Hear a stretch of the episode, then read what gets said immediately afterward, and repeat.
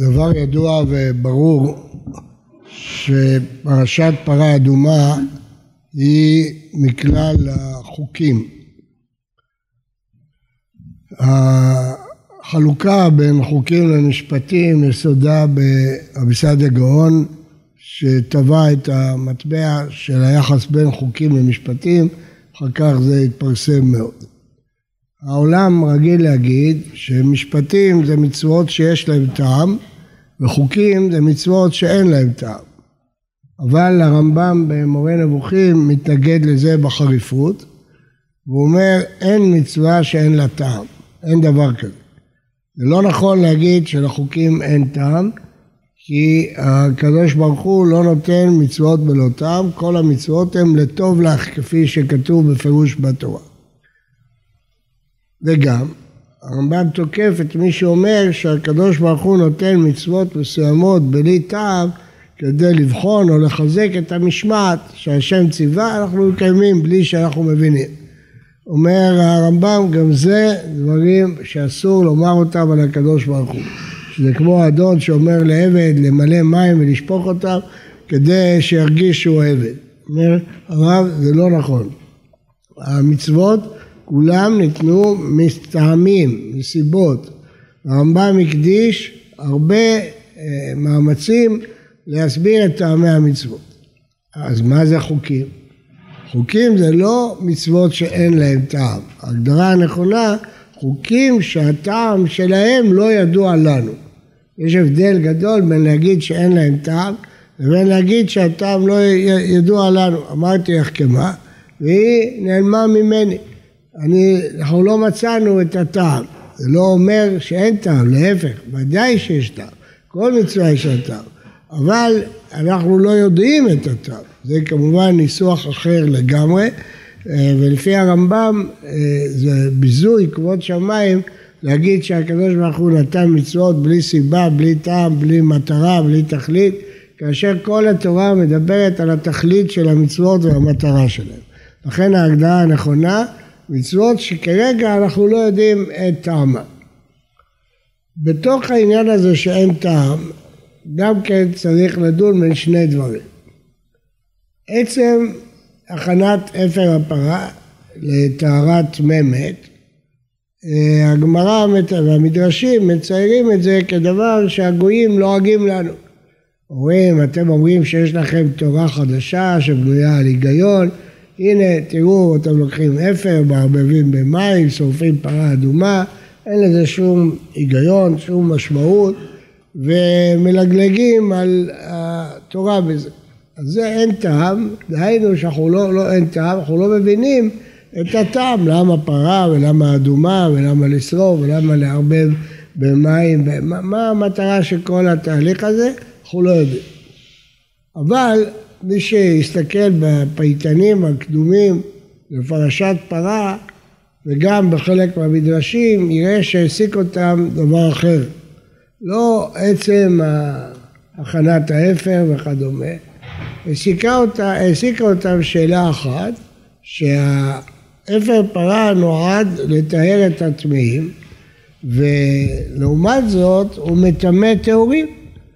כתוב בתורה בפירוש, בפרשת השבוע, השורף אותה יכבס בגדיו במים, ורחץ בשרו במים וטמא עד הארץ.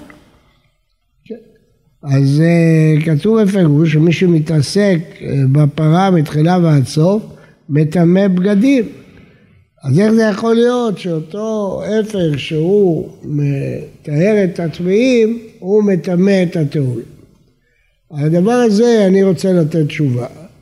להגיד שדווקא הנקודה הזאת היא לא קשה, אלא היא מאוד מאוד מוסברת. אילו האפר היה רק מטהר את הטמאים, היינו חושבים שיש באפר הזה סגולה מיוחדת, שהוא מטהר את הטמאים.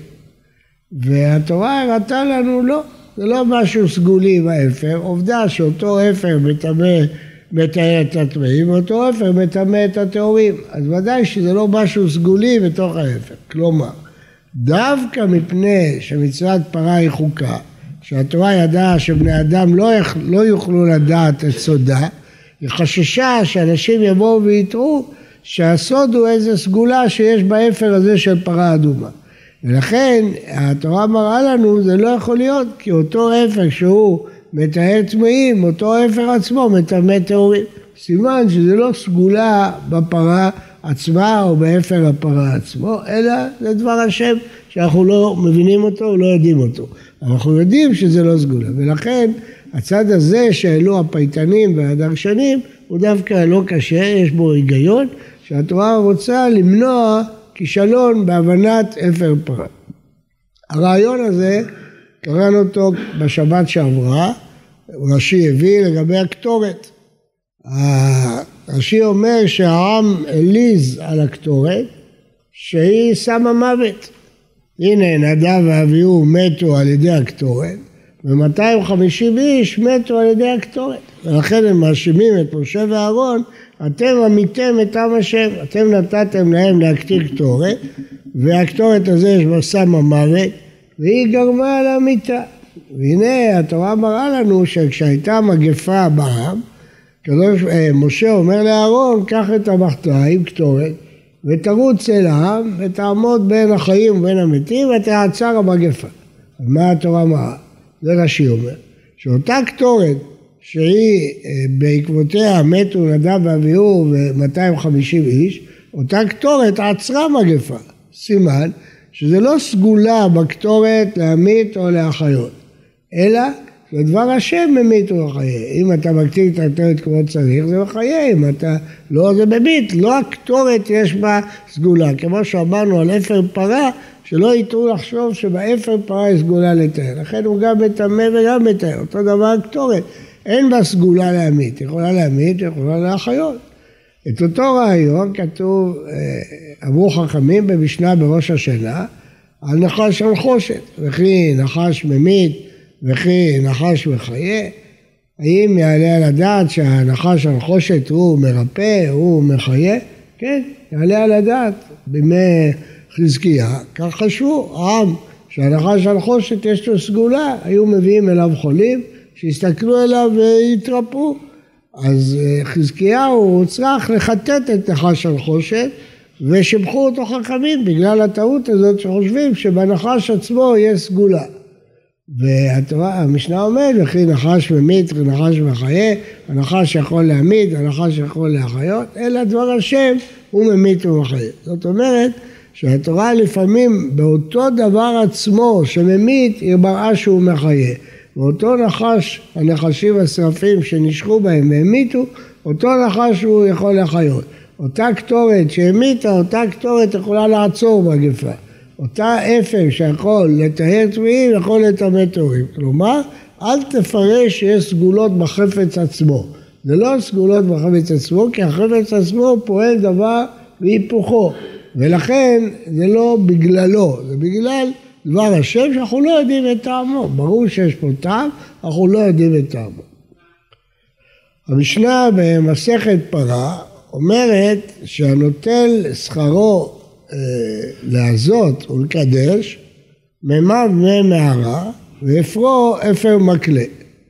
אם אדם ביקשו ממנו להזות אפר פרה, איש טהור, לא צריך להיות כהן, איש טהור, והוא מבקש כסף. אני רוצה תשלום עבור להזות או לקדש את האפר במים, זה עבודה, זה מים חיים, עם מעיין, צריך לשמור את זה, לא לעשות מלאכה, זה עבודה. אז הוא רוצה שכר עבור זה. אומרת המשנה, מימיו מי מערה ואפרו אפר וקלה. המים האלה לא נחשבים מים חיים, הם פסולים, והאפר הוא אפר שרוף, זה לא אפר של פרה אדומה. למה? כי הוא נתן שכר. ויש לדון, למה יש מצוות שמותר ליטול שכר? מוהל מעל מקבל שכר, סופר כותב ספר תורה, מקבל שכר. אז למה זה שנותן שכרו להזות ולקדש מימיו מי מערה ואפרו אפר בכלי, מה זה שונה ממצוות אחרות? אז נראה את המשנה בשלמותה, הנותן שכרו לדון דיניו בטלים, להעיד עדותו בטלה. המשנה אומרת שאם אדם נותן שכר כדי להיות דיין, הדינים שלו בטלים. טוב, היה אפשר לחשוב שזה מובן מצד שוחד, למנוע לקיחת שוחד. להעיד, עדותו בטלה, זה פשיטה, העד שגייסו אותו בשכר, ודאי שעדותו בטלה. אבל זה לא מסביר את להזות ולקדש. אז אנחנו נגיד הסבר אחר שמכסה את כל המקרים. את ההסבר הזה הסביר הרב ארנטרוי, בעל קומץ המנחה, היה רב בגרמניה, רב גדול, המין שלו גר במעלה אדומים. הרב ארנטרוי הכהן, בעל קומץ המנחה, הוא מתרץ תירוץ נפלא וחשוב מאוד להבין אותו מבחינה מוסרית. הקומץ המנחה אומר כל מצווה שאתה יכול לעשות בעצמך, אתה לא רוצה, אתה מתעצל, אתה פוחד, אתה מזמין מישהו שיעשה בשבילך. מותר לו לקחת שכר. תעשה בעצמך, למה אתה אומר לי? אתה יכול למול את הבן שלך. אתה פוחד, אתה לא יודע, אתה רוצה מוהל, תשלם לו. אתה יכול לכתוב ספר תורה לעצמך. אתה לא יודע, אתה לא רוצה, אתה מתעצל, תשלם לסופר. אז כל מצווה שאדם לא יכול לעשות בעצמו, שיכול לעשות בעצמו, והוא לוקח בן אדם שיעשה בשבילו, מותר לקחת עליה שכר.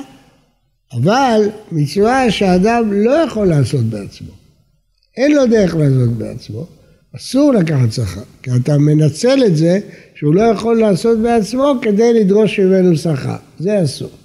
אז אם נבדוק את שלושת הדוגמאות של המשנה, להזות ולקדש, צריך להיות איש טהור.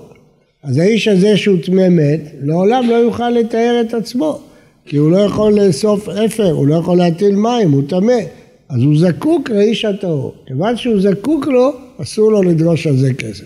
לכן האיש הטהור שלוקח כסף במים ממערה ואפרו אפר בקריק, הוא זקוק לך. אותו דבר, לדון ולהעיד. אדם לא יכול להעיד על עצמו, הוא זקוק לעד. אז אסור לך לקחת על זה שכר. אדם לא יכול לדון את עצמו, הוא זקוק לדיין, לכן אסור לקחת שכר.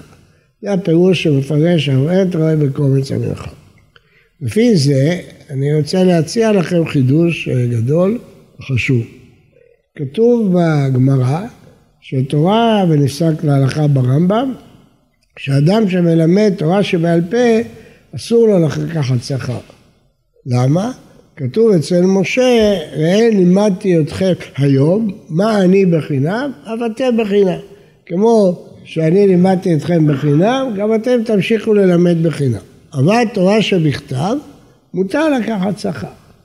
הגמרא אומרת, זה פיסוק הטעמים, זה השגחה על הילדים, אז זה מותר לקחת שכר. על תורה שבכתב, מותר. מורה לתורה יכול לקחת שכר, וכן לגמרא לא יכול לקחת שכר. מדוע? מה ההבדל? למה בתורה שבעל פה אסור? אז אני רוצה להציע, לפי החידוש של רוי, זה מאוד מובן. למה? תורה שבכתב היא כתובה, תקרא אתה. אתה לא מבין, אתה רוצה שאני אעזור לך? תשלם לי. אבל אתה יכול לקרוא בעצמך, זה הכל כתוב. אבל תורה שבעל פה, מקבלים אותה איש מפי איש. אז אם אתה לא תעביר את זה אליי, איך אני אקבל אותה? ניקח את הדוגמה שהגמרא מביאה, משה. קיבל תורה מסיני, הוא שרה ליהושע. אם משה לא ימסור את התורה ליהושע, מאיפה יהושע ידע מה משה קיבל מסיני? ולכן אסור לו לקחת שכר. מה אני בחינם אתם בחינם. כיוון שאין דרך להשיג תורה שבעל פה בלי שזה שקיבל אותה יעביר אליך. אז אם זקנים לא ישמעו מיהושע מה שמשה מסר לו, מה שהקדוש ברוך הוא מסר לו, מאיפה הם ידעו את זה? זו תורה שבעל פה, לא כתובה בשום מקום. מאיפה הם ידעו את זה? ולכן הם זקוקים ליהושע, לכן אסור לו לקחת שכר. אז כל דבר שאדם יכול לעשות בעצמו, והוא מבקש מישהו אחר שיעשה את זה בשבילו, מותר לו לקחת שכר. אבל דבר שאדם לא מסוגל לעשות בעצמו, והוא זקוק לזולת, אסור לו לקחת שכר. ולכן, לדון, ולהעיד, ולעזות, ולקדש, אתה לא יכול לעשות בעצמך.